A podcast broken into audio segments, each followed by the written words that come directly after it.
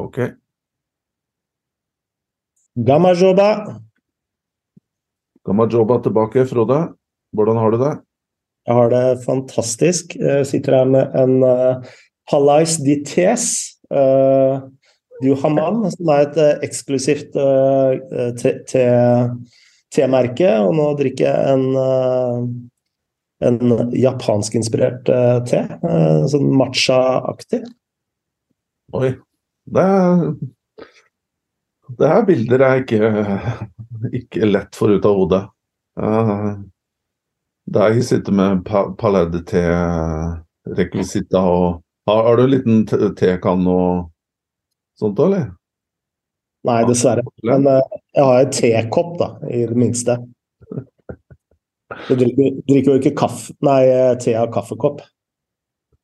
Nei, noen ganger så har man jo ikke noe valg.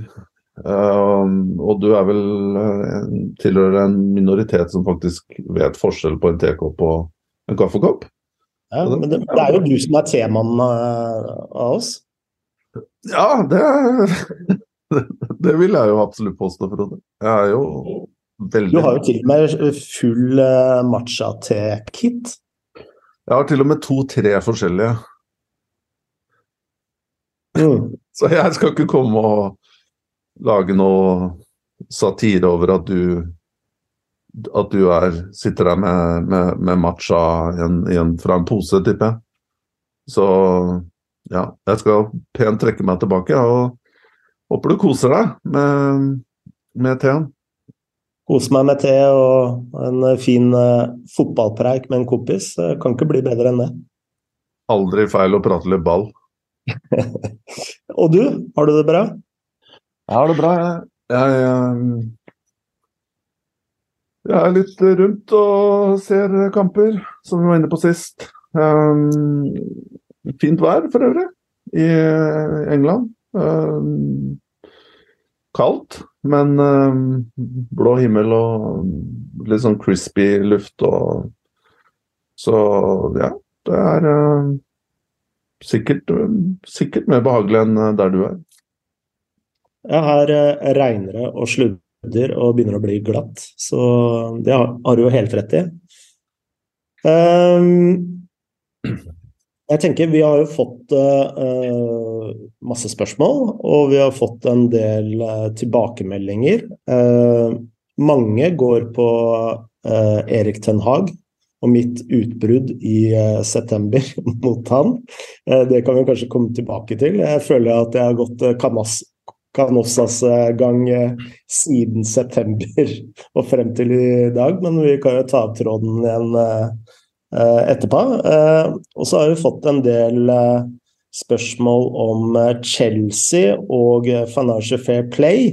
Og særlig med tanke på en episode vi hadde for et par runder siden hvor vi snakka om noen Chelsea-overganger.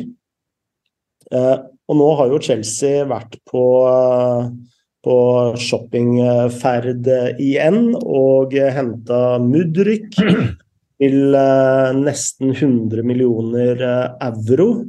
Uh, med Altså, det er jo alltid litt sånn vanskelig å snakke om overgangssummer og, og, lønninger, for alt omtales i ulike valutaer, og så veit man ikke helt sånn hvor gode kildene til disse mediene som omtaler overgangssummer og lønn er. Men av de mest kredible kildene jeg har lest, da, så er overgang på 100 millioner euro. Uh, ukeslønn på 100 000 pund, altså rundt regna en million i uka. Uh, på, og en kontraktslengde på 8,5 år. Uh, og da har vi Uh, fått masse spørsmål om disse Financial Fair Play-reglene. Og, og uh, særlig Christian Sørensen han spør uh, mye rundt det. Og, og, og, veldig mange spør også om hvorfor Chelsea velger å signere en spiller på 8,5 år. Og Christian Sørensen nevner det ganske spesifikt om ikke dette er veldig høy risiko for Chelsea å, å, inngå sånne avtaler.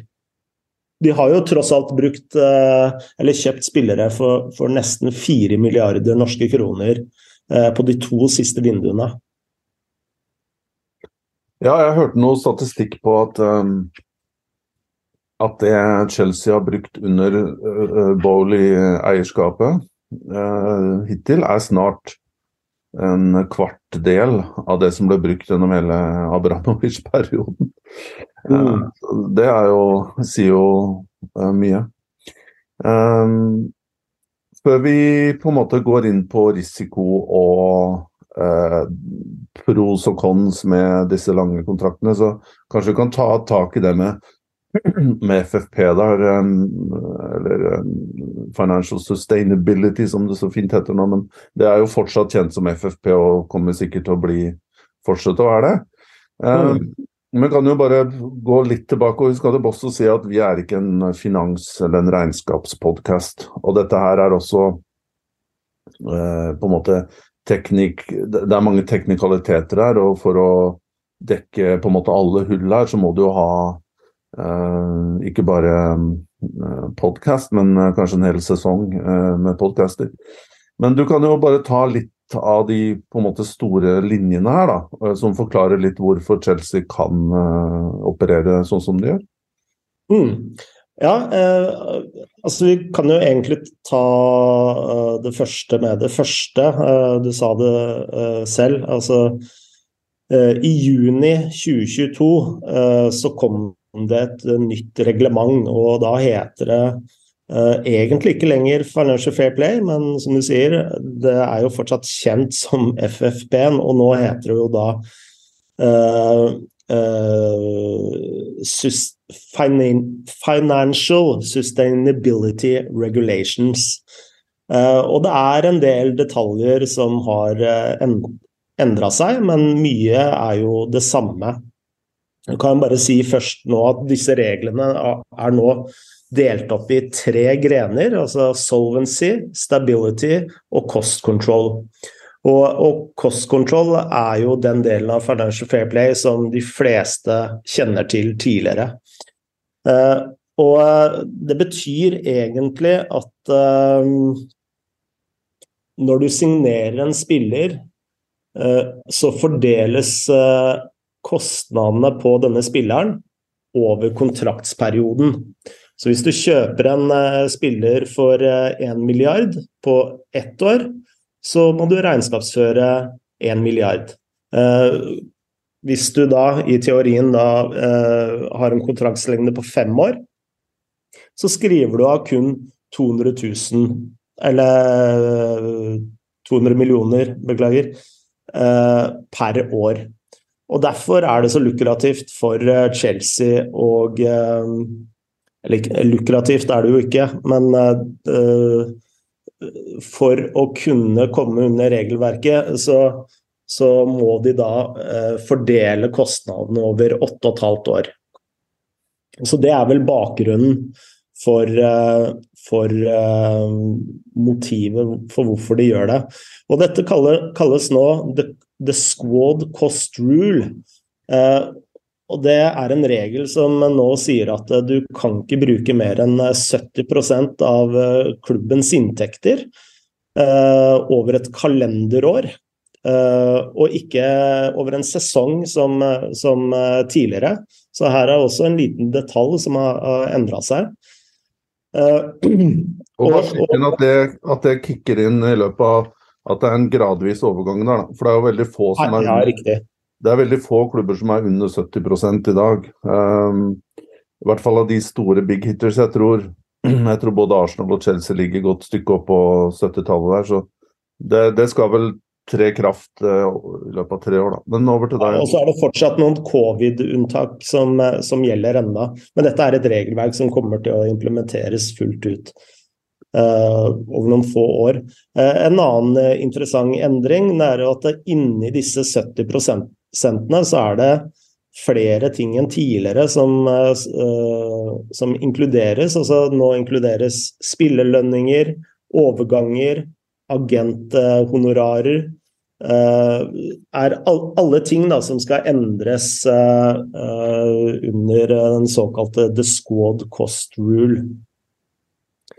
Uh, og så kom jeg i skade for, uh, og det, der har vi fått en del spørsmål, for jeg henvin, hen, henviste til en Mirror-sak hvor man også sa at Chelsea gjerne ville ha installments over flere år. Altså avdrag som, som skjer over flere år.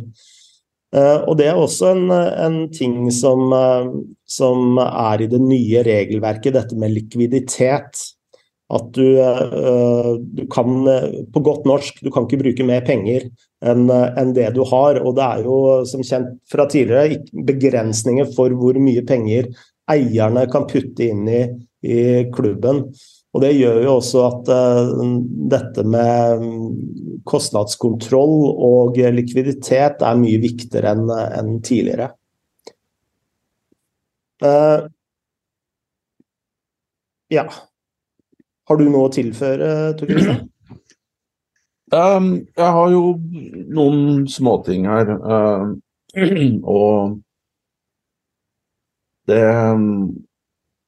det, Et annet viktig poeng her, da, som vi også har vært inne på i tidligere podcaster um, og igjen, Dette skal jo ikke bli en sånn regnskapspodkast. Og de som er fryktelig opptatt av regnskap og disse teknikalitetene, så er det mange mange kilder der ute å oppsøke. Det er ikke nødvendigvis vårt uh, fagområde. Uh, så jeg er litt usikker på om Én, OK, vi innbyr til uh, tilbakemeldinger hvis, siden vi faktisk prater om dette. så jeg, Vi setter alltid pris på at folk kommer tilbake. men um, det, det, er på en måte også andre, andre måter å finne helt korrekt informasjon på alle disse små detaljene her. Så de som er fryktelig opptatt av dette her, de får unnskylde om det er noen små detaljer her som kanskje vi ikke nevner, eller tolkninger som er, uh, som er uh, feilaktige. Jeg har også sittet med folk som jobber med dette her. og jeg var også med på noen av disse studiene da første FFP-tiltakene kom, var det vel 20, begynnelsen av 2010-tallet. Og, og, til og med altså folk som har holdt på med fotballøkonomi i lang tid, skjønte nesten ingenting. Uh, så dette her er på en måte uh, Det er komplisert, og det er ikke til uh, på en måte um, generell det er ikke den generelle Det er ikke det du sitter og diskuterer rundt middagsbordet hjemme, da. La oss si det på den måten. Men noe av poenget her er jo også, tror jeg, da, at som etter det jeg forstår, gjør at Chelsea kan gå inn i den ville uh, spandable overgangsstrategien som de har nå. Og at det handler også om at de, de har fått noen salg, da, altså ganske store salg, innenfor nåværende FFP-periode, som går vel tre Det regnes vel over de siste altså tre år. Uh, og salg blir jo da altså kicker jo inn i sin i, i sin um, helhet på regnskapet med en gang. Det har vi også prata om andre ganger. Um, Bl.a. i den Juventus-regnskapsepisoden uh, der. Ja, um, og, det, og, det, gir ja, og det gir klubber uh, Det gir jo klubber en uh, stor fordel av å, å kunne selge en spiller for en uh, stor sum, kicker inn med en gang, hele overgangssummen, eh, inntekten, selv om eventuelt man får pengene inn i, i over, uh, over, kontraktstiden der uh, han selges til. Mens som sagt kjøp da flates ut over kontraktsperioden. Så det blir jo en mye lavere, lavere smell i, i bøkene. Så det forklarer litt og for dere, dere, som er fryktelig opptatt av det, som jeg sier, får man nesten bare kontakte Chelsea og spørre om å se regnskapene, eller, eller følge denne geniale Swiss Ramble på Twitter. Han, han går jo inn i, i regnskapene og faktisk eh, med pinsett og, og lupe. Mm. Um, så jeg foreslår at vi egentlig bare går litt over på de feltene som er litt mer på en måte Der man har lov til å ha litt mer mening. Det, dette er ikke nødvendigvis bare tall og eh, tall og ligninger. Men eh, Christian, eh, godeste Christian Sørensen spurte også om kom jo med innspill her om dette her er så veldig sunt med Altså sett bort ifra det regnskapstekniske, om det er så sunt med spillere på veldig la, lange kontrakter. Han spør vel også en av oppfølgings, oppfølgingspostene der at om det ligger noen mekanismer for svakere på en måte prestasjonsbasert lønn hvis resultatene dropper i løpet av den perioden. Og svaret på det er stort sett nei. Fordi hvis ikke det Hvis ikke da Chelsea i det tilfellet her rykker ned, det kommer de ikke til å gjøre. Uh, det kan jeg si her og nå. Um, mm. Og i de fleste klubber så ligger det da selvsagt uh, en klausuler da, på lønnsreduksjon ved Erik, men det blir jo som sagt en teoretisk ting i den konteksten her. Um, men det som eventuelt da I Premier League så er det veldig, veldig høye grunn, grunnlønner. Mm. Eh, altså nå tenker jeg ikke så mye på eh, det er klart Hvis du begynner å komme langt i Champions League og du vinner seriemesterskap, eh, Premier League, så er det klart at da kicker det inn veldig gode, gode ekstrabonuser. Eh, det er det jo ikke noe tvil om. Men hvis man ser opp imot Tyskland f.eks., som lenge hadde en sånn system hvor, hvor grunnlønna di var, eh, var kalkulert Eh, bonuser var kalkulert inn.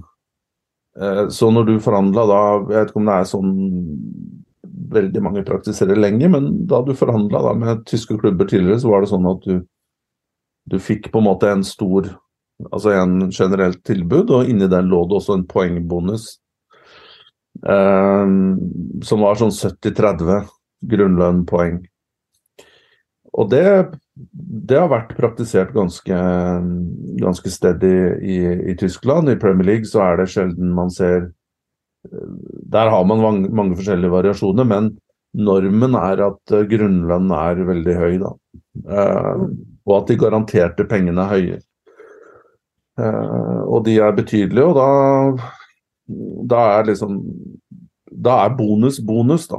det er ikke så veldig mye du får gjort med disse disse lønnsutbetalingene, eh, grunnlønn. Og det er klart Ja. Um, faren for at du kan ende opp med en ny vin, Vincent Bogarde, uh, eller Ja, den er der. Han satt vel, han satt vel ut lønna uten å spille noen kamper i to år. Han uh, kosa seg i, i, i rundt um, Cobham der.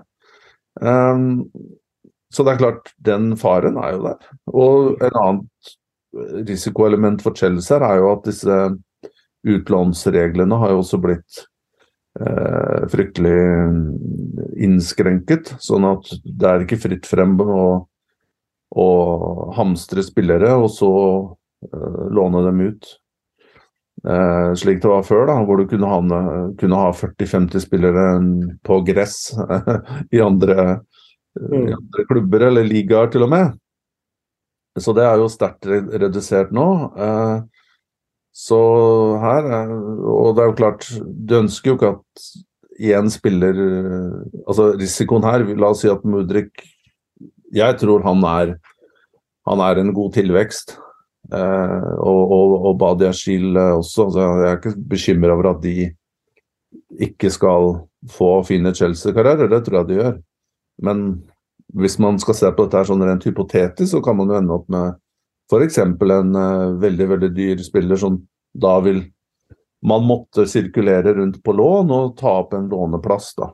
Uh, som man kunne brukt på en yngre spiller med langt større framtids... Uh, uh, horisonter. Så jeg vet ikke hva du tenker om det her?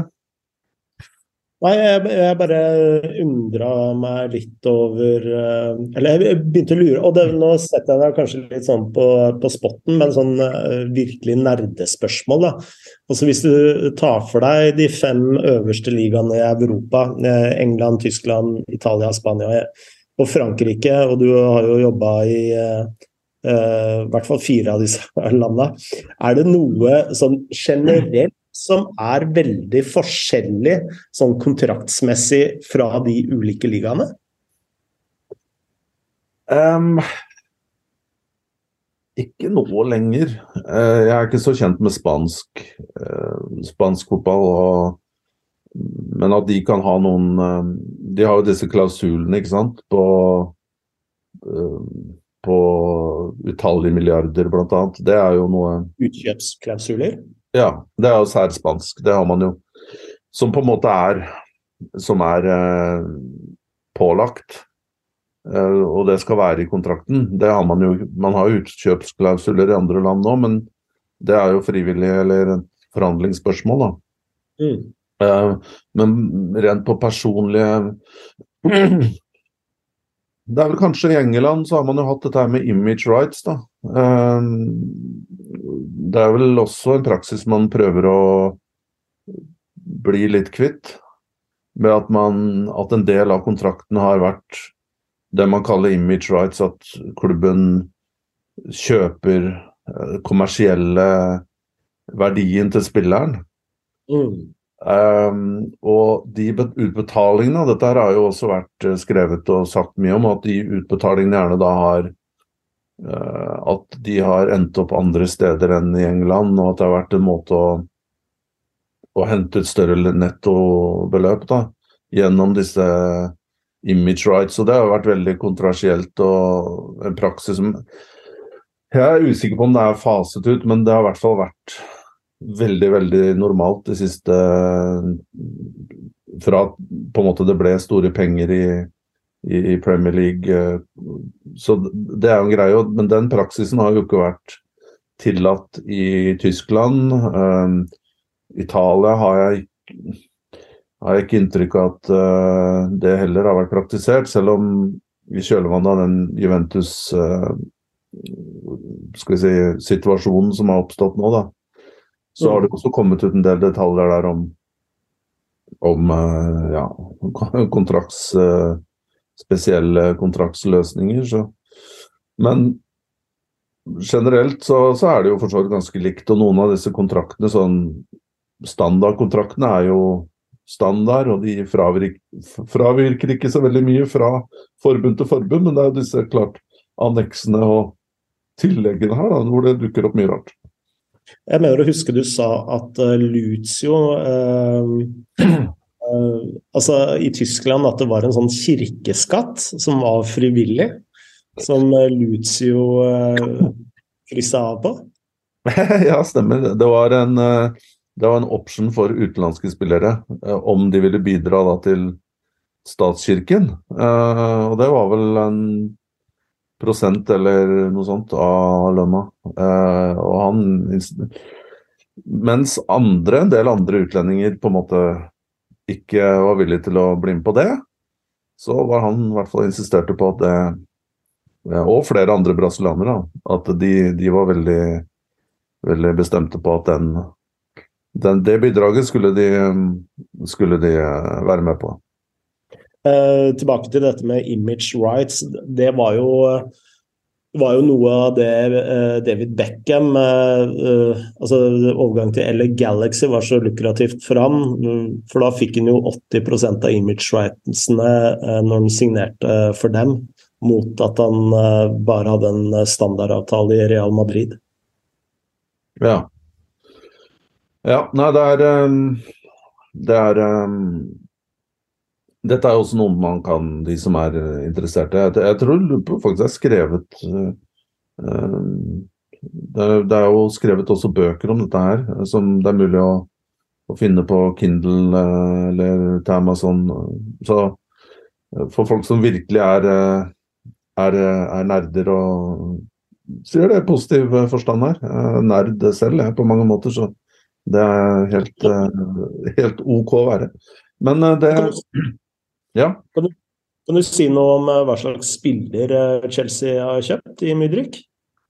ja, jeg skrev en liten sak på ISBN der akkurat da han ble, ble avdukket i pausa mot Palace der, men korte trekk så er det jo en fryktelig kreativ spiller. Uh, fryktelig kreativ var kanskje å ta i, men det er en liker seg best i i uh, ja, trekke inn fra, fra venstre ving, uh, venstre kant, inn på høyre fot.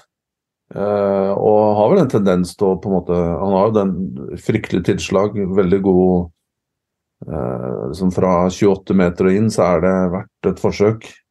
Uh, mm. Veldig sånn rent flott treff på ballen. Uh, og han har kanskje hatt en tendens, selv om han har blitt bedre på det, til å være sånn Gå for den løsningen der kanskje i overkant, da, men har også blitt en mye bedre bedre kombinasjonsspiller. Og, og når, når den, det alternativet med å trekke inn ikke er der, Eh, og den sonen der er overbefolka, så kan han også gå på utsiden på venstrefoten og slå innlegg. Og, og, så er han også veldig sånn nimble. Han er smidig, så han, han, eh, han kommer seg veldig kjapt fra, fra eh, statisk posisjon til å komme opp i fart. Altså rykk og, tempo på de første liksom, og, og kjappe kroppsbevegelser. Der er han ekstrem, vil jeg si. Mm. Og samtidig så er han en god ballfører. Og igjen dette her med at han får ut ideer veldig kjapt ut i beina. Så han trenger liksom ikke flere touch og drive og se seg om og styre. og Det er veldig mye naturlig instinktive valg da, som han tar, som er gode valg. Uh, hvis du skal se på den andre siden, så er det jo flipside, så er det jo kanskje defensiv eh, bidrag. Eh, det handler ikke så mye om mangel på innsats, eh, fordi han er villig, og han presser Jeg så på presstatistikken hans også veldig bra. Han er veldig entusiastisk, liksom, han jobber hjemover, men det er effektiviteten i det han gjør, er ikke så bra. Han må bruke kroppen, lære å, lære å bruke kroppen, hvordan han kommer foran, og hvordan han ja, altså bare sånn kroppsteknisk hvordan han, han, han setter seg eh, til da, i dueller eh, defensivt. Der er han litt sånn Er ikke så Han har, han har jo fått mye eh, lisens til å gjøre det han ønsker å gjøre selv, da, framover på banen i, i sjaktet. Og Det andre spørsmålet her, Frode, er jo hvorvidt han har jo vært knallgod i Champions League. Jeg så noen statistikker der på han hadde jo I de seks kampene han spilte i høst, da, så hadde han 1,3 til 3 key pass per kamp, som er meget bra. Han hadde vel åtte Jeg vet ikke hvor mange completed, jeg lurer på 60% var completed med åtte dribling, altså én mot én, uh, i Champions League. Det er jo fryktelig høye tall. Eh, men han har jo hatt en fordel ved at han på en måte har kunnet eh, pace seg litt. Eh, han, altså Ukrainske ligaen er fryktelig lavt nivå, og det har jeg full forståelse for. Man tenker på at alle spiller på bortebane mer eller mindre i De spiller vel i Kiev eller i Lviv. og landet er i en helt fryktelig eh, situasjon, så er det klart at fotballen der er jo ikke prioritet for noen. Men han har jo ikke hatt de derre dobbeltukene og masse eh, masse utfordringer som krever makspotensial. Han, han, har kunnet økonomisere seg litt da, utover høsten her. Han har jo jeg vet ikke hvor mange kamper han har, jeg ikke, kan gå inn og sjekke, men han, han har også ganske få kamper i, på, på A-lagsnivå. Så det her kommer jo ikke uten en viss risiko. Jeg blir alltid litt sånn skeptisk når en uh, spiller allerede er uh, klar for en klubb. Altså Han var jo nærmest klar for Arsenal. Og så kommer uh, Chelsea eh, til visstnok dobbelt så høy overgangssum og dobbelt så høy, høy lønn. Kupperen. Og da får jeg litt sånn uh, følelse at det her blir nedturen og presset så stort at uh, Dette er bare en følelse, altså. Men uh, jeg sitter liksom med en følelse at dette fort kan bli en stor nedtur. Og fallhøyden er så stor, da.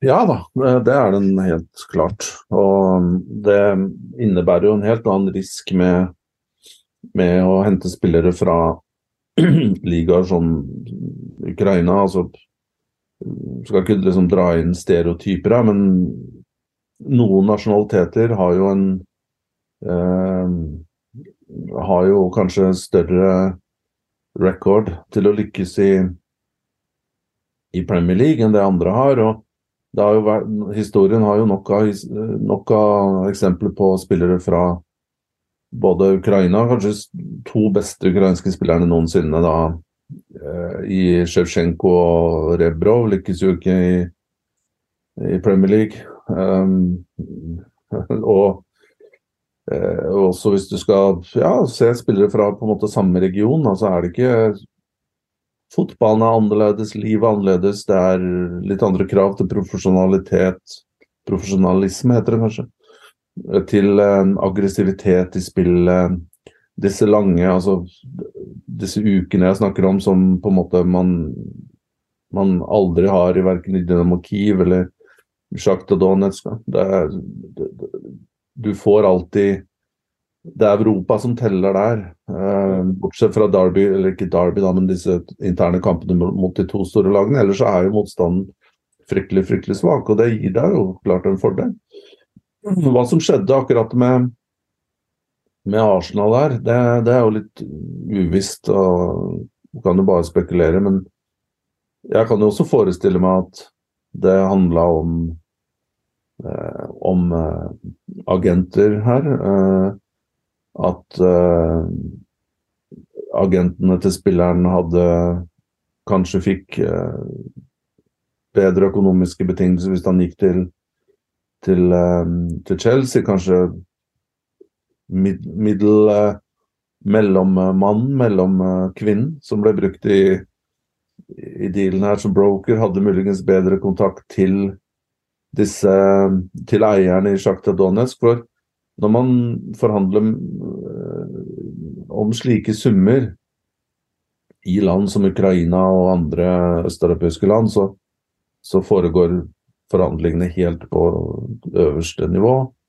Og det er presidenter og eiere som er som er på en måte har en status som, som gjør at de, de, får gjerne som de vil, da, til slutt.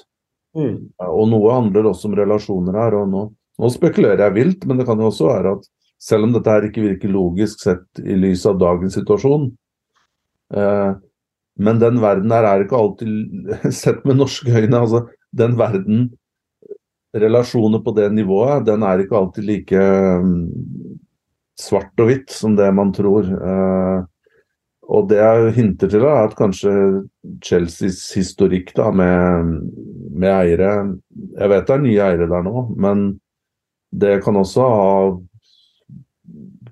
kan ha spilt en rolle her at at uh, tidligere eiere hadde relasjoner her. Så det her blir spekulasjon, men det jeg vil fram til, er at i visse deler av verden så spiller, spiller det inn uh, med å ha personlige relasjoner og kontakter, og da og da teller det ofte Kan det telle mer enn disse tallene som legges fram på bordet? Og da spiller det ikke noen rolle om du har jobba med en deal i månedsvis, hvis det andre kommer inn som du liker bedre og har og du stoler på og har en forretningshistorikk med, så, så gjør man heller deal med dem, da. Mm. Så det er en Det der får vi nok aldri svar på, da. Interessant. Uh, skulle likt å vært flue på veggen under de forhandlingene der. Og særlig de eh, pratene internt i ledelsen i Sjaktar og agenten. I ledelsen internt i Sjaktar tror jeg ikke det er så mye å være flue på veggen, for der er det en mann som heter Rinat Aktem, Ak, Akhmetov heter vel han. Uh, for Unnskyld meg hvis han hører på Chivad, så jeg uttalte det feil, men han er jo uh, rimelig mektig, mektig ukrainer. Uh, og det er jo han som Det er han som avgjør det. Altså. Og, og, det jeg også skulle fram til, da, som jeg hadde en liten utveksling på Twitter, han, han avgjør også hvor spilleren skal. fordi det er mange som lurte på ja, men, men han har jo sagt i månedsvis at han vil til Arsenal. Hvorfor går han til Chelsea da? Ja, det, det publisert bilde av seg selv eh, som Arsenal-fan. Ja, men dette her er ikke Dette er ikke Norge, eller det, Spillereglene og måten ting gjøres på, din egen eh, stemme i eh, Den er, er ikke like Det er litt andre måter å løse disse tingene på andre steder. Um, det du prøver å si, er at uh, han har egentlig ikke så mye han skulle sagt? Nei, det viktigste er at andre er, uh, er fornøyde her. Mm. Det hadde vært noe helt annet hvis option hadde vært Arsenal. Dette er liksom Scenario 1 Arsenal. Scenario 2 er er uh, uh, gå til Tyrkia. altså, eller å gå til Iran, eller Eller en liten klubb i Hva skal jeg si Polen, da. Altså, som har masse, masse penger. Mm. Det, dette her var jo ikke på en måte det, det, Dette var jo ikke et u, uh, urealistisk uh, Altså to urealistiske løsninger. Og det Uansett hvor mye Mudrik eventuelt holder med Arsenal og ville dit, så, så er lever han godt med å gå til Chelsea. Det, så det, det blir litt sånn det, det blir litt sånn Ja, skal jeg si konstruert uh, hypotetisk, da. Altså Men uh, fallback position til Modric uh, Ok, mulig han måtte bite i et eller annet surt eple her, men resultatet var det å få litt mer penger og allikevel bo i London og spille i blått istedenfor rødt og hvitt. Så det, Og jeg tror det er viktig å forstå at som jeg sier, dynamikken her rundt avgjørelser og sånne ting, den tas på andre plan i visse deler av verden enn det det gjøres i vår realitet. Det er vel eh, Vi har jo vært litt inne på eiere, og eh, det har jo vært litt, eh, i hvert fall i Premier League, så har det vært skriverier om eier, uh, eierbytter. Altså for et par dager siden så sto det opp og ned i mente i britisk presse at uh, Liverpool skulle bli tatt over av uh, Qatar. nå ble det avkrefta at det som mest sannsynlig kommer til å skje der, er at Fenway Sports Eh, kommer til å selge ut en liten post, så de har litt mer likviditet. Men uh, dette har jo vært oppe tidligere, men uh, et navn jeg ikke kjente til tidligere, det er Jim Ratcliffe, som er om ikke lederposisjon, han blir i hvert fall hyppig nevnt da, som en ny eier av Eh, Manchester United. Og du har jo bodd eh, veldig mange år i England, så du veit kanskje litt mer om hvem han karen er?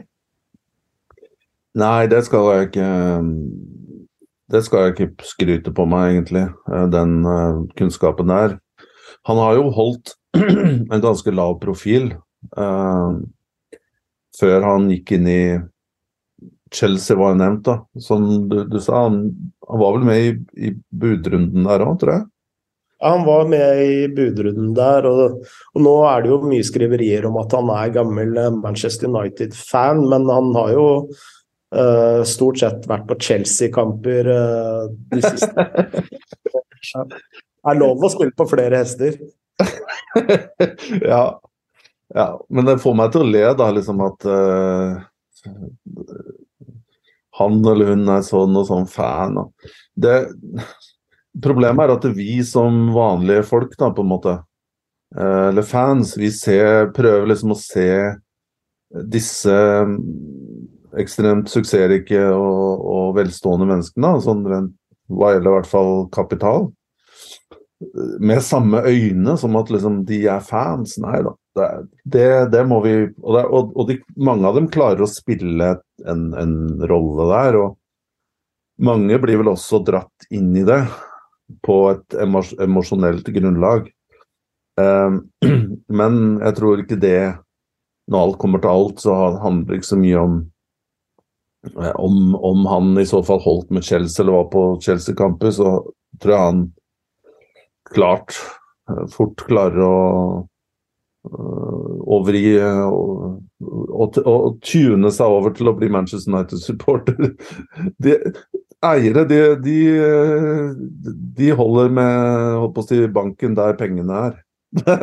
så, så det, det, er ikke noe problem. Men han har jo holdt seg ganske sånn Ganske low-key. Um,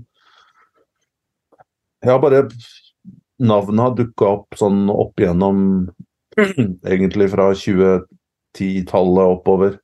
Så har han jo vært nevnt da, i forbindelse med egentlig mange klubber. Uh, Manchester United i flere omganger, tror jeg.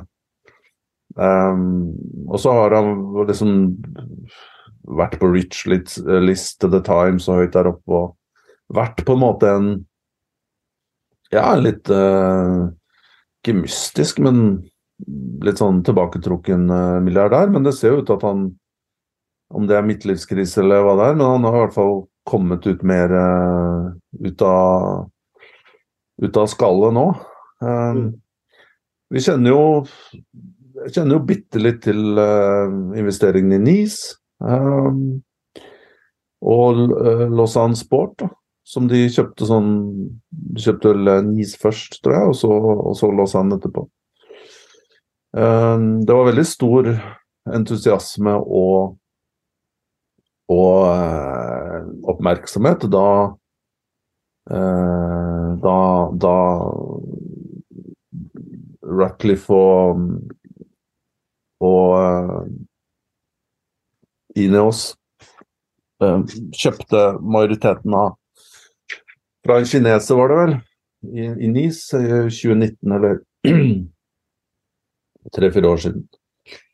Og forventningene der var vel at uh, NIS skulle da um, Altså med den fantastiske stadion de har der, og også i i form av å være et veletablert ligalag etter hvert. Uh, det er jo en del år siden de har vært nede i, på andre nivå. Um, så var vel forventningene at eh, de her skulle pushe Nice da, inn opp i Champions League. Ikke bare Conference League der det er nå, det var vel Europaligaen et par år siden nå. Men så det har man jo ikke levert helt på. Jeg mener det har femteplass som beste. Og så var det vel niende og femte, og i år så er det jo Nå er det vel nede på, på tiende, midt på tabellen. Så det er litt vanskelig å se sånn eh, det, det, er noen ting som jeg som utenforstående har sett, og det er jo at de, de har jo investert det, Jeg tipper sånn overgangs uh, net, net, profit, net uh, spenn, da, eh, ligger på kanskje sånn 25-30 millioner euro eh, i året. Um, så altså spend ikke på profit. Kanskje 30 ish, jeg har ikke helt sett på tallene, men bare sånn Jeg tror det ligger der. Oh. Og de har da kjøpt og henta ganske spennende unge spillere. Uh, ja, ganske mange OK navn som har vært innom der. Og, og, fortsatt er det for så vidt uh, en del spennende talenter der. Men noen av dem har de jo solgt videre. Uh, Gori er jo siste eksempel som til, var veldig god spiller i NIS og gikk til renn, var det vel, i fjor sommer. Og, og det er kanskje litt sånn du hadde forventet da kanskje at med, med disse menneskene uh, inni oss, at da vil man også klare å holde på de beste. Så har det jo kommet og gått trenere. Uh, det var veldig sånn stort sånn Deres store push var da med Patrick Vera, som ga han en sjanse som hovedtrener. Det lykkes de jo ikke med. Det varte ikke lenge. Og så er man jo tilbake igjen nå på på Fevre, eller? Jeg lurer på om han Lucian Fevre er tilbake der nå. Um, Stemmer det. Ja, altså det er, det, er liksom, det er vanskelig å se litt hva er det andre forgreningen her var jo at man skulle ha da en klubb i Sveits, Lausanne Sport. Man så, kjøpte den klubben i, league, uh, i andredivisjon i Sveits, rykka opp, og så gikk det rett ned igjen. Og ideen der var vel at de nest beste fra NI skulle utvikle seg da i, i, i Sveits. Uh, og at de skulle samkjøre operasjonene og på en måte litt sånn multiclub. Uh, idé rundt det. Mm. Um, men det har heller ikke Det har heller ikke liksom blitt det man uh, kanskje hadde håpet på, da. Så um, det er jo veldig bra at, at, at uh, Ratcliffe er velstående og, og har lyst på dette her, men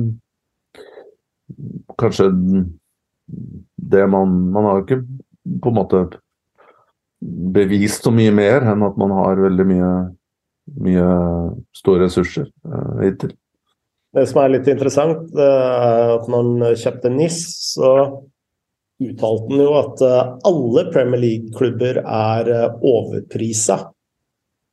Og jeg tenker hvis Premier League-klubber er overprisa i, i 2019, så er de i hvert fall overprisa i 2023. Så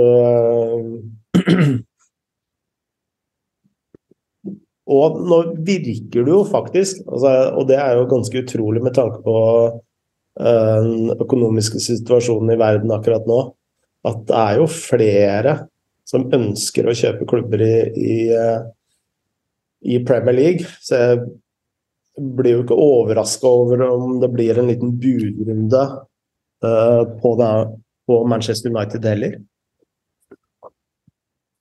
Nei um,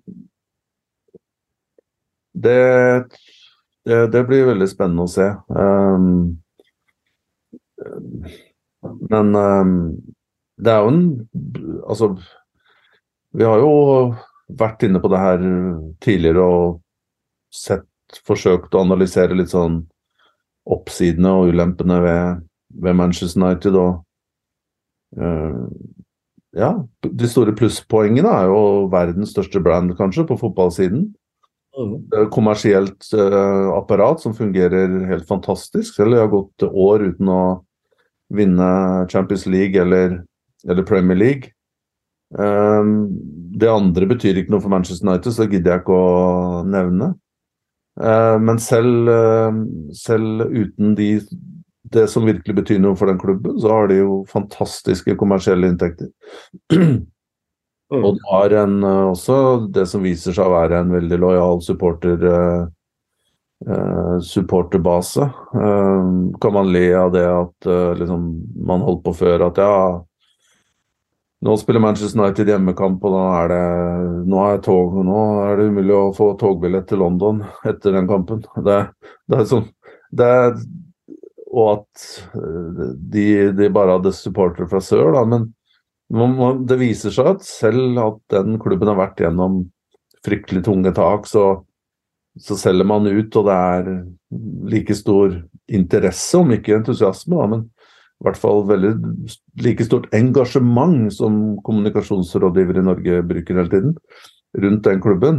Så det hadde jeg kanskje jeg, Det har overrasket meg positivt. Jeg hadde kanskje trodd at på et eller annet tidspunkt så ville man se, begynne å se at det er tomme seter på Old Trafford, men det, det har ikke vært tilfellet. Så her har man jo en um, og, og, en eventuell takeover ser også Det er klart, her blir man også påvirket av recency bias. Det ser jo en mye bedre proposition ut rent sportslig i dag enn det gjorde for halvt år siden.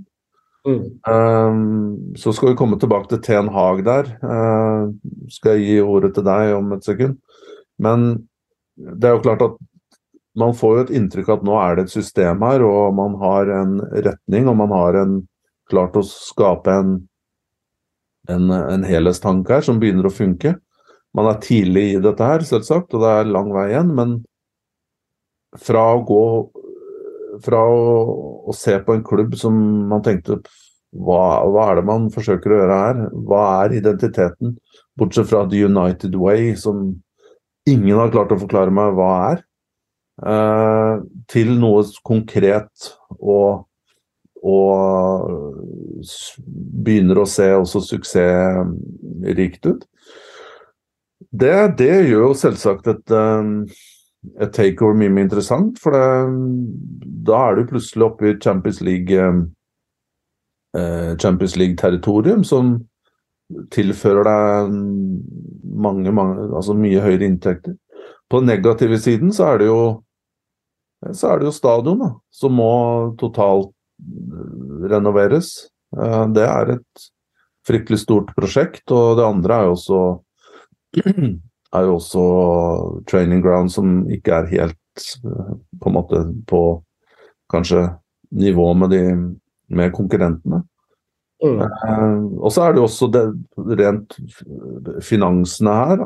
Eh, Glazers har jo lagt klubben under, under stor, stor gjeldsbyrde av på en måte lån gjeld da, som, som skylder, skylder, dem.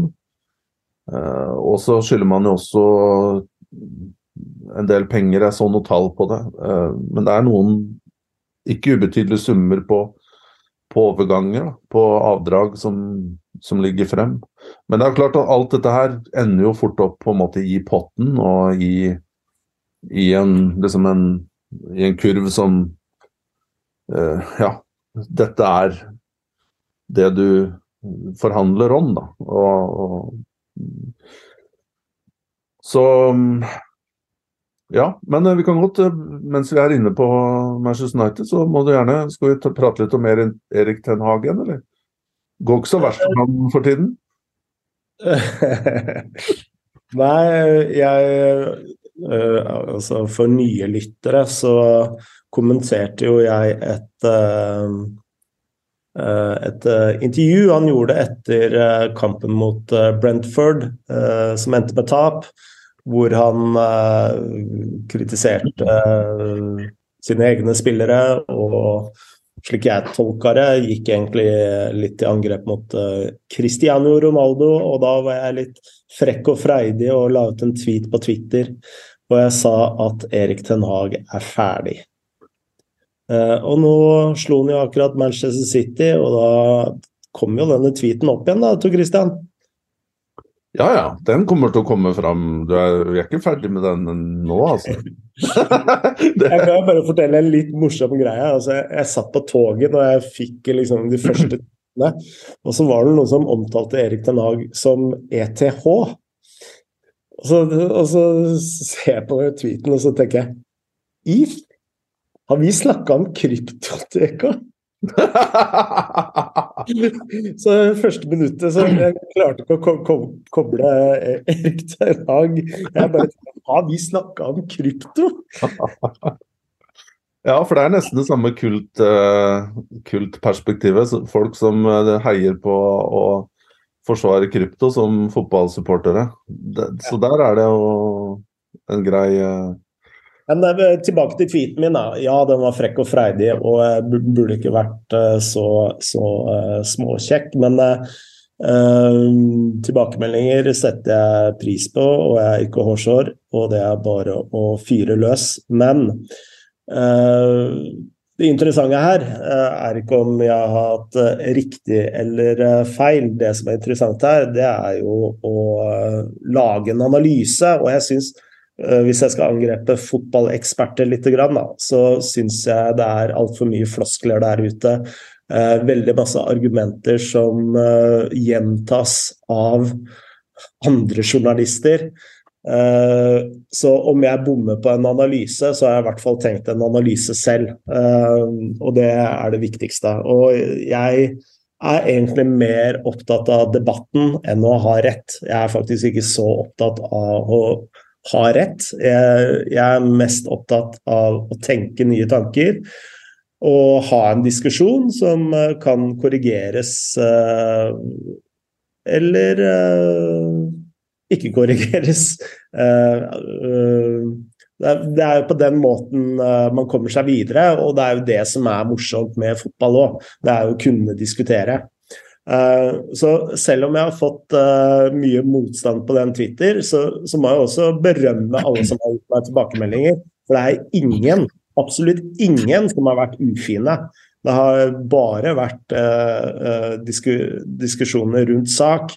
Og Hvis jeg skal komme tilbake til saken da, og forklare mitt rasjonale, så og huske på at dette var jo før Cristiano Ronaldo gikk til angrep på Glazers, og før Glazers la ut klubben på, uh, for salg.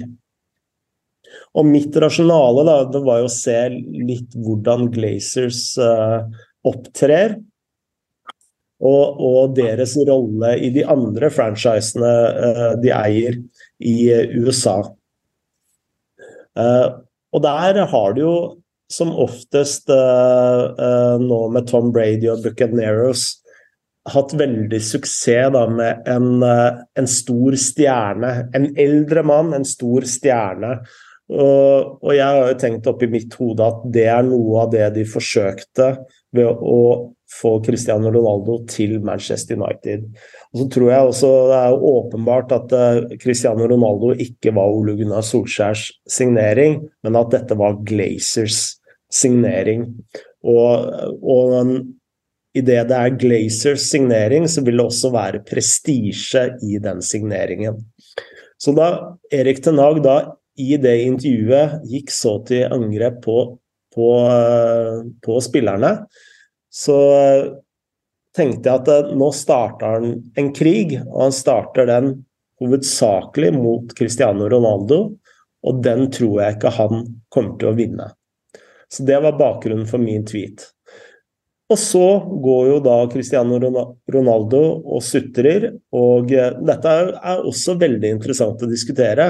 Eh, for han går da med Pierce Morgan og går til angrep på Glazers. Og det er jo det som er litt sånn game over her. For i det momentet han angriper Glazers, så er jo han ferdig i klubben. Og det, det, hadde jo ikke jeg, eller noen andre heller, tatt, uh, tatt høyde for. Så, så, det er hele mitt rasjonale, da. men en ting som vi også kan kanskje diskutere, det er jo hva Cristiano Ronaldo egentlig tenkte med det intervjuet. For nå er han endt opp i Saudi-Arabia. Og jeg tror jo ikke det var ideen. For han sa jo samtidig i samme intervju at han skulle fortsette på toppnivå.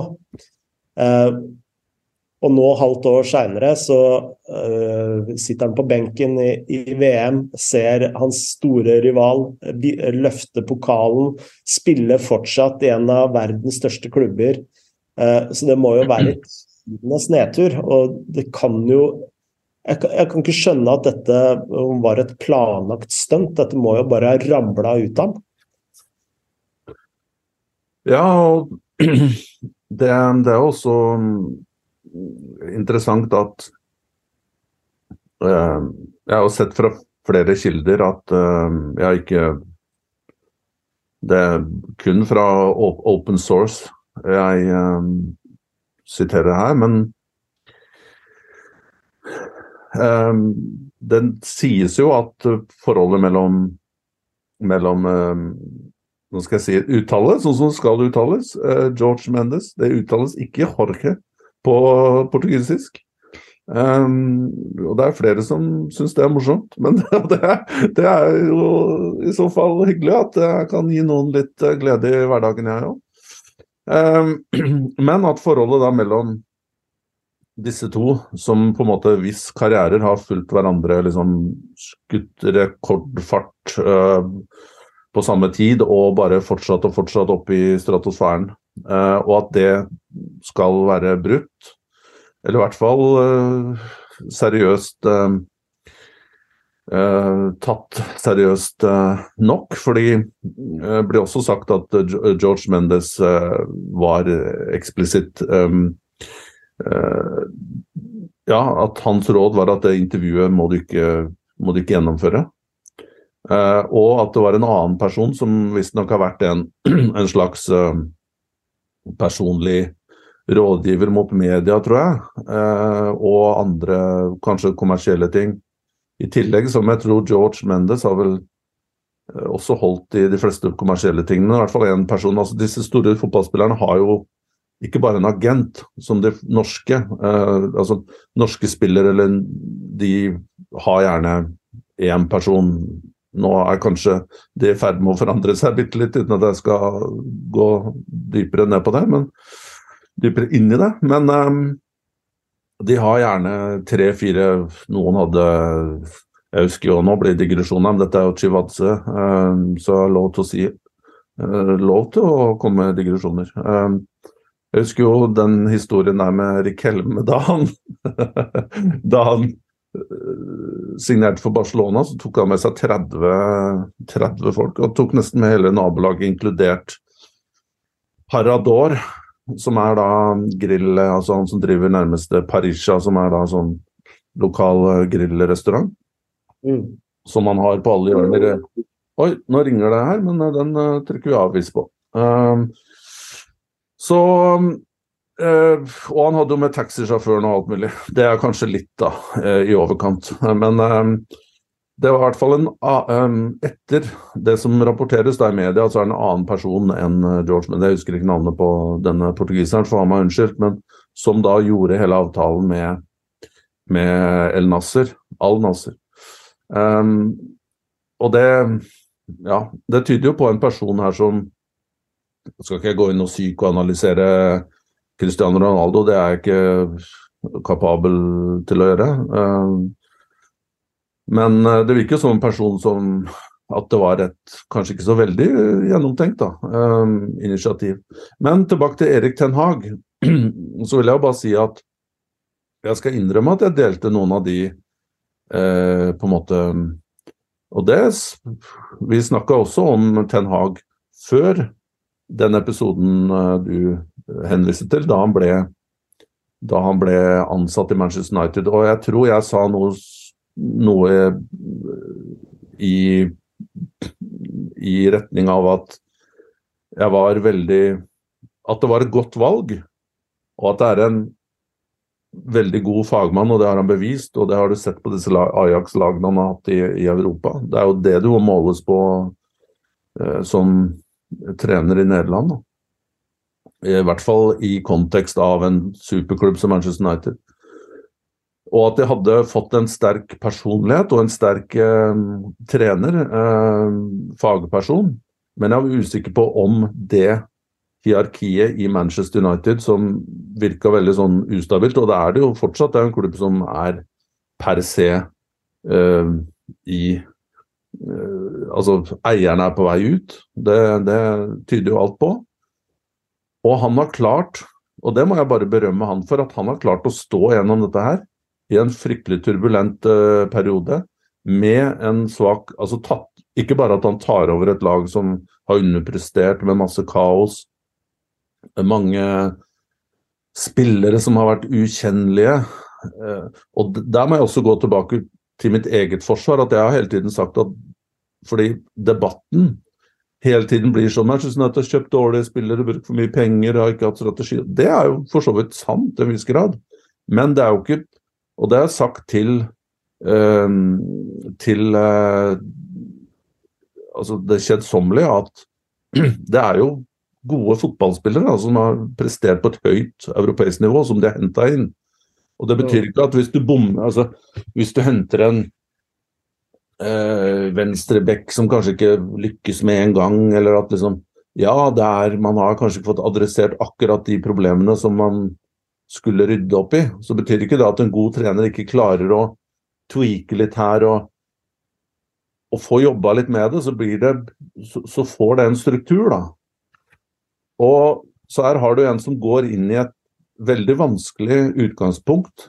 Uh, turbulent sommer, og han har Cristiano Ronaldo-situasjonen der det er sikkert også vært utfordringer der i bakgrunnen som ikke, som ikke har nådd overflaten. Og han har stått og igjen eh, taper 4-0 mot Brentford, eller hva det var. Um, uh, og det er jo etter den kampen han gir det, uh, det berømte intervjuet som du refererte til her. så har han liksom han har tatt føringen i den klubben. Prater ikke så mye med media, det er ikke noe bullshit eller lekkasjer i noe særlig grad. eller Han bryr seg ikke noe om å liksom skal lekke sitt narrativ og bruke masse tid på å forsvare seg selv. og Han jobber, han. Og han står på, og han har en idé. Og jeg må bare berømme at han har kommet dit han har kommet. Så kan man også si, altså på bakgrunn av den City-seieren mot Manchester City, OK. Eh, men de slo også Liverpool litt på samme eh, De slo Liverpool tidligere i sesongen her eh, litt på samme oppskrift. At, men den Liverpool-kampen var litt, kanskje litt mer sånn ja end to end, og det var litt sjanser her og der. og Liverpool kunne også kanskje var litt uheldige som ikke fikk med seg noe der, da. Men mot eh, City så syns jeg at sånn Manchester City hadde jo uh, ballinnehav på over 70 tror jeg til slutt, men de skapte jo ingenting. Nå skal det jo sies at City skapte nesten ingenting mot Southampton eller, eller mot Everton òg, da. Tapte jo mot to dårlige lag tidligere, så det er jo heller ikke et lag i veldig god, god utvikling. Men det er en sharpness der og en helt annen holdning blant spillerne. Måten de også altså, er organisert defensivt på. Eh, hvor han dytter inn Luke Shaw som stopper og han ikke sant? Han, han, gjør nye ting og han prøver på andre ting. Men de ser jo så mye bedre organisert ut, altså som en enhet.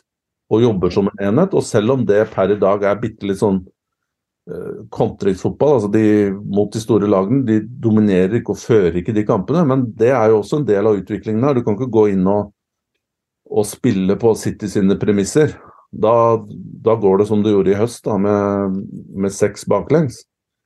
Så, og som jeg sier, dette her er jo en prosess, og dette her vil jo ta måneder og, eh, og kanskje et år eller to før, før man liksom får sett et Erik Ten Hag-lag. Mm. Men de er jo et helt annet kollektiv nå enn det de var for, uh, for, for, for seks måneder siden. Så jeg må jo bare si at han, han har imponert meg stort. Særlig grunnspillet har jo blitt vanvittig mye bedre. Altså, de har jo et grunnspill nå som man ikke har sett på flere altså mange, mange år. Ja, men det grunnspillet er jo mer en nå har ikke jeg sett Så kan godt hende jeg bommer her, da, men jeg har ikke sett Manchester United mot på en måte presumptivt svakere lag. Men det er jo fortsatt mot de på en måte store klubbene, så er det jo De ligger lavt, og de, de på en måte går ikke De fører ikke disse kampene. Og For meg så er jo et solid grunnspill Ok, det er et solid defensivt grunnspill, men offensivt så er det jo klart at eh, etter hvert så må jo det også utvikles da, på en annen eh, Til at man på en måte kan bli mer dominerende. Eh, men det spiller ikke noen rolle for noen. De som holder med Manchester United nå, vil se noe annet. De vil se noe positivt. De vil, de vil se resultater og vinne kampen mot rivalene. Det, er, de har vært underlegne dem mange, mange år, og nå kan man føle at man er på liksom der oppe og ikke bare tabellmessig, men også på en måte man har noe man kan være stolt av, og det er jo kun, vil jeg si, Erik Ten Hag sin fortjeneste. Mm. Eh, vi har jo fått et spørsmål uh, om uh, Manchester United på DM. Vi kan kanskje ta det, Tor Kristian? Ja, gjerne. Det syns jeg er veldig godt formulert. et lite innspill. Først, fantastisk podkast, ivrig lytter. Manchester United, rik klubb, rik klubb og trekkplaster, ja. Men hvordan har det seg at de gang på gang gir spillerne overganger inn helt hinsides lønnsøkninger? I de aller fleste tilfellene, Anthony, Sancho, Maguire, eh, Van B, Fred, Igallo på lån osv. Så, så mangedobler de lønna til spillerne de er alene om å kjempe om. Spillerne er desperate etter å komme, Sancho ventet et år, Antony gikk og skreik og ga intervju til Romano. Men likevel ser det ikke ut til å føle at de sitter på kort på hånda som en av klubbens mest attraktive klubber. Minus i margen siste ti, ti år er at nok mange, mange som drømmer. I Antonis tilfelle hadde han rundt uh, 20 000 K i uken, og United gir han 200 000 K. Sancho hadde gått over 80 000 K i Dortmund. United gir han 350 000 K pund, uh, står det her, da. Maguire er som, grei, som er en grei stopper, gikk fra luselønn i Leicester til 200 000 K pluss og kaptein i United med en syvårskontrakt.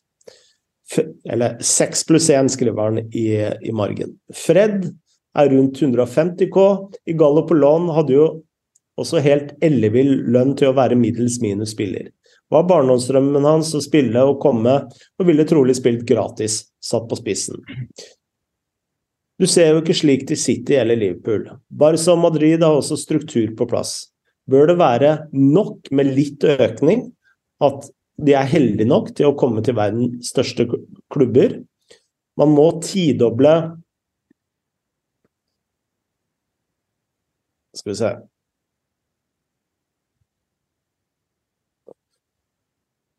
Man må jo tidoble lønnen til Anthony, eller at gladelig tatt 120 kroner Nei, 20 000 K. Sancho hadde helt sikkert tatt 150 000 K. Hvis, hvis, ikke må man jo forhandle, og sto, forhandler og stor klubb kunne si 'take it or leave it', og regne med at trekkplasteret med å få til overganger er gulrot nok.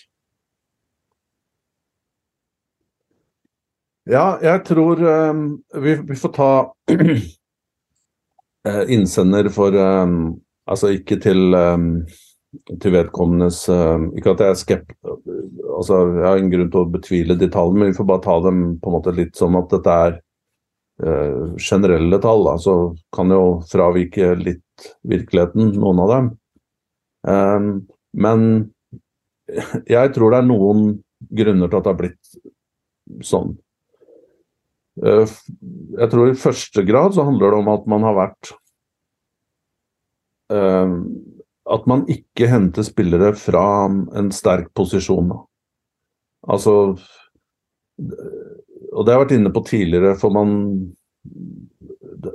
Vi snakker om eh, hvordan klarer Altså det, det, er mye enklere å forsterke et lag som, som, har suksess. Alle vil jo dit hvor ting fungerer og, eh, og det er, virker å være et eh, et uh, lystig sted å komme til, hvor du kan utvikle karrieren din. Så når du ikke kan på en måte Ja, du har navn og du har prestisjen å spille i den, i den berømte røde, røde, trøya der, men det er ikke alltid nok, da. Um, så når du ikke har Champions League f.eks. som en garantert proposition, hvis du er i Madrid eller du er sånn som det har blitt Manchester City og Liverpool de siste årene. Ok, nå er det kanskje ikke lenger eh, så enkelt heller for Liverpool å hente spillere når de ligger på midten av tabellen. Da. En, det er jo mulig det er midlertidig, men det er mye enklere å hente spillere på dine premisser når det går bra. Mm. Uh, og du har Champions League, som også vil ha på en måte uh, ut Altså, da vil også bonusene være større slik at du kan fire på grunnlønn, da, som vi var inne på tidligere i, i, i eh, episoden her, Frode. Mm. Og det, det, er jo ett poeng. Det andre er at man har måttet Fordi det har vært så mye press på klubben, det har gått, det har gått under forventning. Eh, og det har vært et sånn fryktelig stort press til å gjøre noe. Man har bytta trenere man har prøvd mange forskjellige ting. Det har ikke fungert. Og det eneste måten man kan tilfredsstille og supportere på, og media, og stoppe maset om eller negativiteten på, da, det er å hente spillere. Og da blir du mye mer desperat enn det du ville vært hvis du var solid, du, had, du har et bra lag. Um, det sier jo seg selv, hvis du hadde endt på første, andre, tredjeplass, fjerde kanskje og til og med, så er jo heller ikke behovet for å styrke deg kanskje så så ekstremt uh, som det er hvis du er en stor klubb som har droppa litt ned på tabellen. Mm. Da, blir, da, blir, overgangene på en måte en Du får en mye større viktighet og betydning for, for alle. enn det ville vært da om du hadde vært komfortabel. Mm. Og det betyr også at alle vet jo om det her, både selgende klubb, så de kan holde øh, nesten kreve løsepenger da, Manchester United. De, og spillerne og agentene vet om det her. Det er ikke noe vits i å bare ta, som i tilfellet med Anthony. altså Disse spillerne er jo profesjonelle fotballspillere som skal maksimere ikke bare karriere og det sportslige, men de skal jo ha så mye som mulig. Det, det er det de holder på med. det er klart, Samtlige lyttere her ville ta De vil heller ha 200 enn 100. Så, øh, men det får du kun hos de klubbene som er desperate og er eh, tvunget til å gjøre overganger da, på, på andres premisser. Eh, Der tror jeg mye av, mye av I hvert fall min teori dreier seg rundt det. Det andre er jo at man heller kanskje ikke har hatt en veldig sånn klar strategi på, på hva man skal hente, eh, når. Man virker å ha vært som på etterkant hele tiden. Man har hatt eh, utskiftning av trenere, så det er liksom, man har aldri vært sikre på at trenerne skal sitte neste sesong. Så når skal man da starte planleggingen? Som kanskje Manchester City begynner med nå. Da. Du, du så i fjor, de henta Haaland allerede, var vel mer eller mindre klart i, i april. Og da ender du ikke opp i den derre store taket du må ta på sommeren, hvor, du, hvor, hvor klubbene vet at du er på etterskudd og desperat. Så er spørsmålet nå hvordan Manchester United kommer seg ut av den sirkelen her. Eh, det på en måte store positive her er jo at de har klart litt uventet å komme seg opp nå helt i ryggen på Manchester City. Det er ett poeng bak. Ser ut som at OK, eh, Newcastle er en liten sånn eh, Hva skal vi si? Litt sånn disruptor der oppe i topp fire akkurat nå. Og hvis vi ser fremover, da, så vil også Newcastle være en faktor oppi miksen her. Mm. Men nå har de jo klart på egentlig ganske nesten mirakuløst vis å gjøre seg attraktive igjen. Eh, spille seg opp frem til den statusen de hadde tidligere. Ja. Eh, men eh, Og da er det nok også enklere å komme litt ut av den spiralen. Mm. At de kan begynne å hente spillere tidlig. Eh, de har kredi en kredibel trener, de har en kredibel sportslig opplegg for dem. Og da blir det ikke sånn der bare penger. Da er det ikke bare snakk om penger lenger. Da er det andre faktorer du kan trekke inn.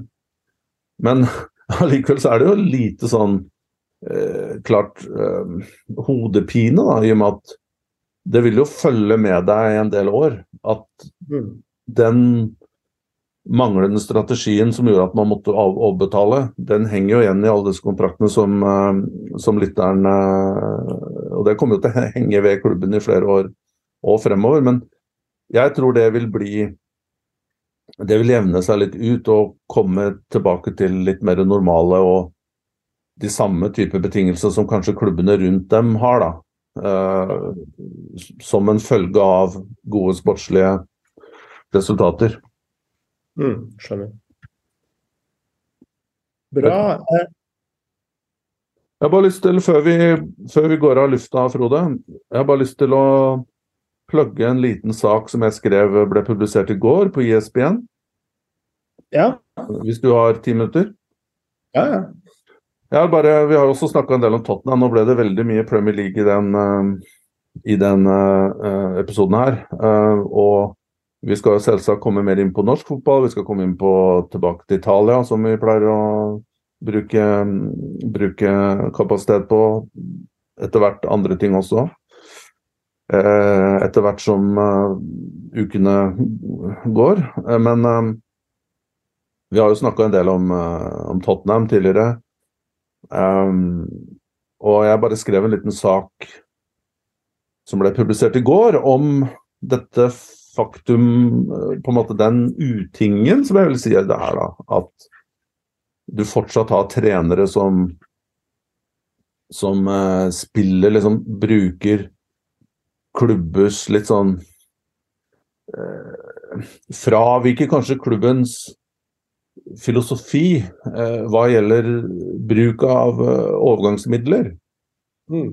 Og vi skal jo ikke lenger tilbake igjen til eh, sensommeren, at Scott Parker måtte gå angivelig pga. at han ikke delte Bournemouth sin, sin, sine tanker om pengebruk. Der skulle man ikke tydeligvis eh, handle noe særlig, som de ikke gjorde i, i sommer.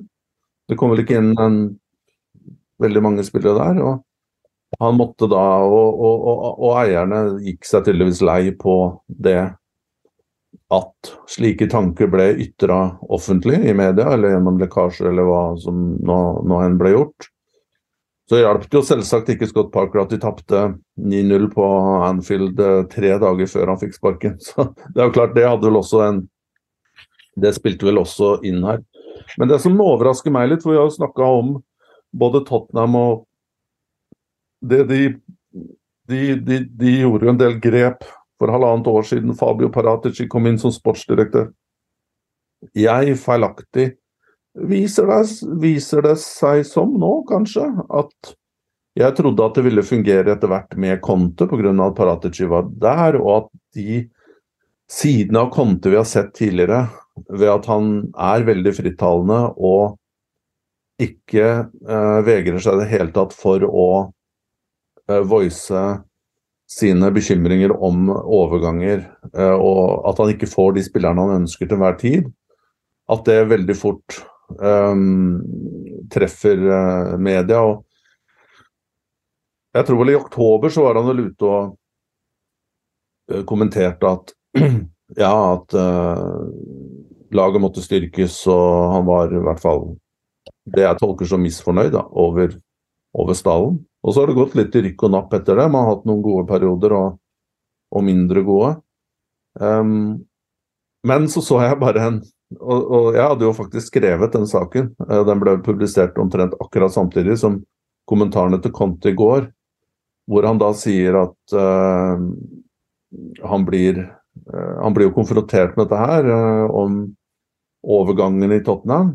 Så svarer han jo, nå parafraserer jeg, men han sier vel noe sånt som at han syns det er spesielt at i England så, så er verken sportsdirektør eller, eh, eller eier eller eh, chairman, CEO som og her har vi kommet til et poeng som faktisk burde svare på disse spørsmålene om overganger. Det er jo de som holder i det og er ansvarlige for det. At ikke mm. de er ute og, og, og gjør seg tilgjengelige for kommentarer til media. Mm. Fordi på én side så burde jo ikke Conte svare på disse spørsmålene. Han burde jo bare si nei, men det, det må du Hvis noen spørsmål kommer om overganger, så er det jo bare å si det her er noe Fabio Paratici eh, jobber med, og dere får spørre han. Men Conte benytter jo allikevel anledningen til å svare på det. Og han er jo en smart fyr. Mm. Og han gjør ikke det fordi eh, av andre årsaker, tror jeg, da, enn at det er en convenient taktisk eh, posisjon fra han til å legge litt mer press på, på klubben. Uh, så jeg, jeg syns det er veldig spesielt at dette her fortsatt eksisterer i 2023. At, at man ikke er mer samordna, og at, uh, at, man ikke er mer um, Holdt på å si en hovedtrener blir jo ansatt på visse premisser, og, og, og, og kartet fremover det legges jo eh, da treneren signerer kontrakten. Og hvis det ligger veldig klare ønsker og føringer på at sånn her skal vi opptre utad, mm.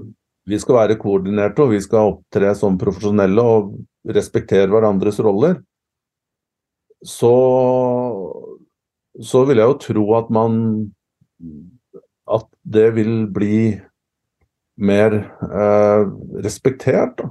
Men tror du Conte er så løssluppen at uh, det spiller ikke noen rolle hva du har skrevet eller hva du har blitt enig om? Så hvis han føler seg under press, så, så tar han allikevel bladet fra munnen? Ja, jeg tror det. Jeg tror det. Uh, og det, dette er jo et mønster. Uh, du ser gjennom uh, Conte over flere år. Dette var jo et problem allerede i Juventus. Ja, ja, og ingen, sammenligning eh, til for øvrig. da, Graham Potter sa jo mye av det samme om uh, når han ble spurt om Mikhailo Mudrik-overgangen. Og, da svarer han jo at jeg kjenner ikke så godt til spilleren, og han er, god, og dette er noe klubben har satt i stand til. Og, så hadde det vært Conte som hadde sagt det, så uh, hadde vel kanskje det blitt slått større opp enn uh, når Potter uh, sier, sier, akkurat det samme, tenker jeg. Jeg bare lurer litt på for noen trenere som type La oss si Mourinho og Conte, som er litt av den kanskje ikke gamle Jo, litt gamle skolen, da. Kontra Potter, som representerer litt mer normale, eller litt mer moderne, kanskje. En trener som som respekterer hierarkiet. og Jeg bare lurer på om den type trenere, som også er litt sånn macho-trenere, som liker å være alfahanner uh, utad og er det, er det litt sånn De føler at de taper litt respekt for at de ikke skal være sånn Er det, er det et, på en måte en defeat for dem da, å på en måte bare si at nei, men klubben er dette her styrer andre med, det er ikke min, dette er ikke mitt ansvarsområde, og jeg stoler på dem. Jeg lurer på om det ligger litt i uh... Min take her, da, det er at uh, du har noen uh, Du nevner dette med alfahanner. Jeg vil nesten kalle dem alfavinnere. Det er sånne som blir så forferda over tap og ikke ligger på toppen at uh, det er så maskefall. Uh, og man har jo lest uh, tusenvis av artikler om Diego Simone og Antonio Conte som ikke får sove flere dager etter et tap, osv., osv. Så jeg, jeg, tar dette som et uttrykk for vinnerskallen til Conte. Da. Det er at han Frustrasjonen over tap blir så store at det bare bobler over, og at han ektefølt også føler at de spillerne han får, som, eh, som eh, i motsetning til de eh, spillerne alle andre klubber får, er av en helt annen eh, karakter og en helt annen eh, kvalitet. Og det har han jo også rett i. Ja, lavere, lavere kvalitet, eller? Lavere kvalitet, ja. Så det er jo denne frustrasjonen som bare bobler over, og det ser du med Mourinho òg. Samtidig som begge er smarte nok til å posisjonere seg eh, i media, så at eh, jeg, jeg, tenker jo litt sånn at eh, dette er jo en uh, posisjonering allerede til neste jobb. Jeg tenker jo eh, både ja og nei der. Fordi eh, samtidig som at så kan man diskutere kvaliteten på de spillerne som kommer til, til Tottenham. Man kan også diskutere hvordan Conte klarer å sette disse inn i et fungerende kollektiv. Det jeg er ganske overbevist om her, det er jo at eh, Og selv om Fabio Paratici er jo også sin egen mann eh, og har sine egne ideer, så ville jeg i hvert fall tenkt som chairman at Um, dere, dere har fått oppgaver her. Dere, Fabio, du, du lykkes med å hente Conte. Det var for så vidt et, uh, et skup for Tottenham. Uh, og dere har jobbet sammen i Juventus i, i, i, lang tid. Nå forventer jeg at dere jobber sammen her. At, og at dere er um, At dere er samkjørte, og at de spillerne som som kommer inn, er på en måte et produkt av den eh, jobben dere gjør sammen. Og, så, men du er jo også inne på noe veldig sentralt her. at jeg, jeg tror kanskje positive spinn på det er kanskje den du kom med, at Conte er en vinner og han, han vil ikke miste ansikt ved å assosieres med noe som ikke er suksessrikt, og at det er eh, detrimental også for hans karriere.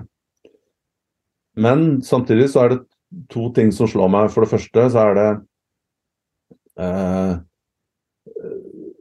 eh, Så er det at når det begynner å gå dårlig, og det er eh, tendensen øh, Det er rød pil, og tendensen peker nedover, og det har ikke gått helt som han ønsket, så er det viktig for han å forankre, eller på en måte få ut i media at dette her var ikke hans feil.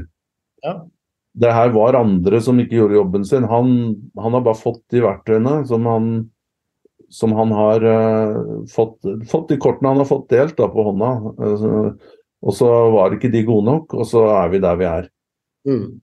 Men hvor kredibelt er det, da, når, det en, når, du faktisk har en sportsdirektør der som du har, et, uh, har hatt et suksessrikt uh, Som henta deg, og som du har hatt et tidligere samarbeid med? Mm.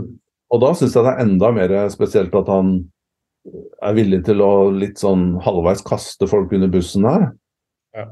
Og så tenker jeg sånn Neste ting her, da. Uh, det nå, nå, er det jo snakk om den nye kontrakten til Conte, man blir ikke enige om det. Etter hvert som resultatene kanskje ikke Man taper eh, et stygt tap mot Arsenal der i eh, tidligere, altså forrige helg, så Og disse kommentarene i media, det evinnelige maset der. Hvor, hvor interesserte er Spurs i å forlenge her, da? Altså, hvor lenge mer orker du å gå med dette her? Han, han kommer jo ikke til å forandre seg. Og så tenker jeg også for eventuelle nye, nye oppdrag videre, hvor attraktivt er det å ta i en trener som du vet Men sånn er det kanskje med de beste, da.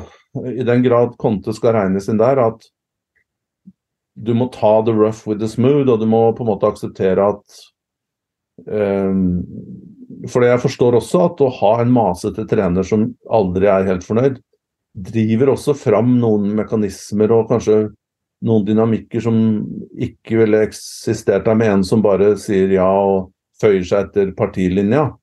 Mm. Men hvis man skal sammenligne her, da, så kan man jo si f.eks. med Guardiola, altså, øh, som også er en, kanskje verdens øh, beste trener, i hvert fall sånn over de siste 20 årene. Eller i hvert fall hva gjelder um, resultater og trofeer. Så ser man jo aldri han komme på kant med med, med, med Soriano eller Begiristein som styrer med overgangene. Og han, han kommenterer også sjelden før overgangen er på plass, så, så snakker ikke han særlig noe generelt om, om, de, om de tingene. Så det må jo også gå an å gjøre ting på en litt annen måte her. Da. Og jeg føler at den, den metoden der med å hele tiden tenke på deg selv og foran klubben det, frem, det får det til å fremstå som lite profesjon, profesjonelt og koordinert.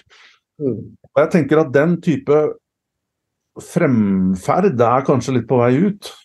Ja, tror jeg òg.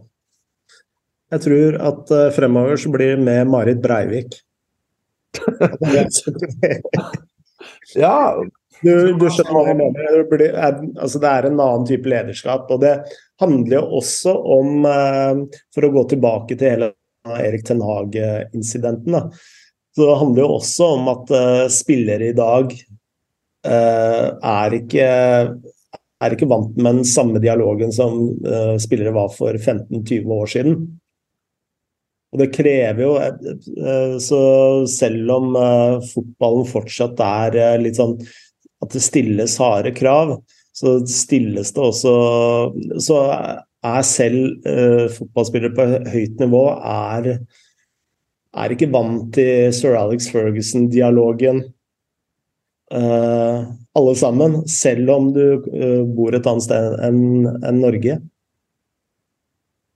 Nei, det er eh, Nei, det er jo selvsagt et veldig komplisert eh, oppdrag, og det er mange, mange eh, faktorer som spiller inn her.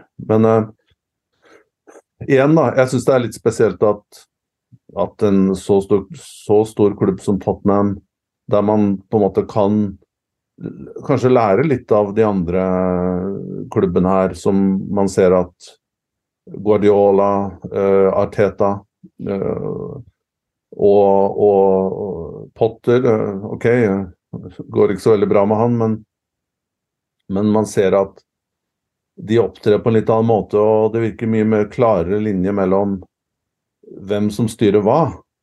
Mm.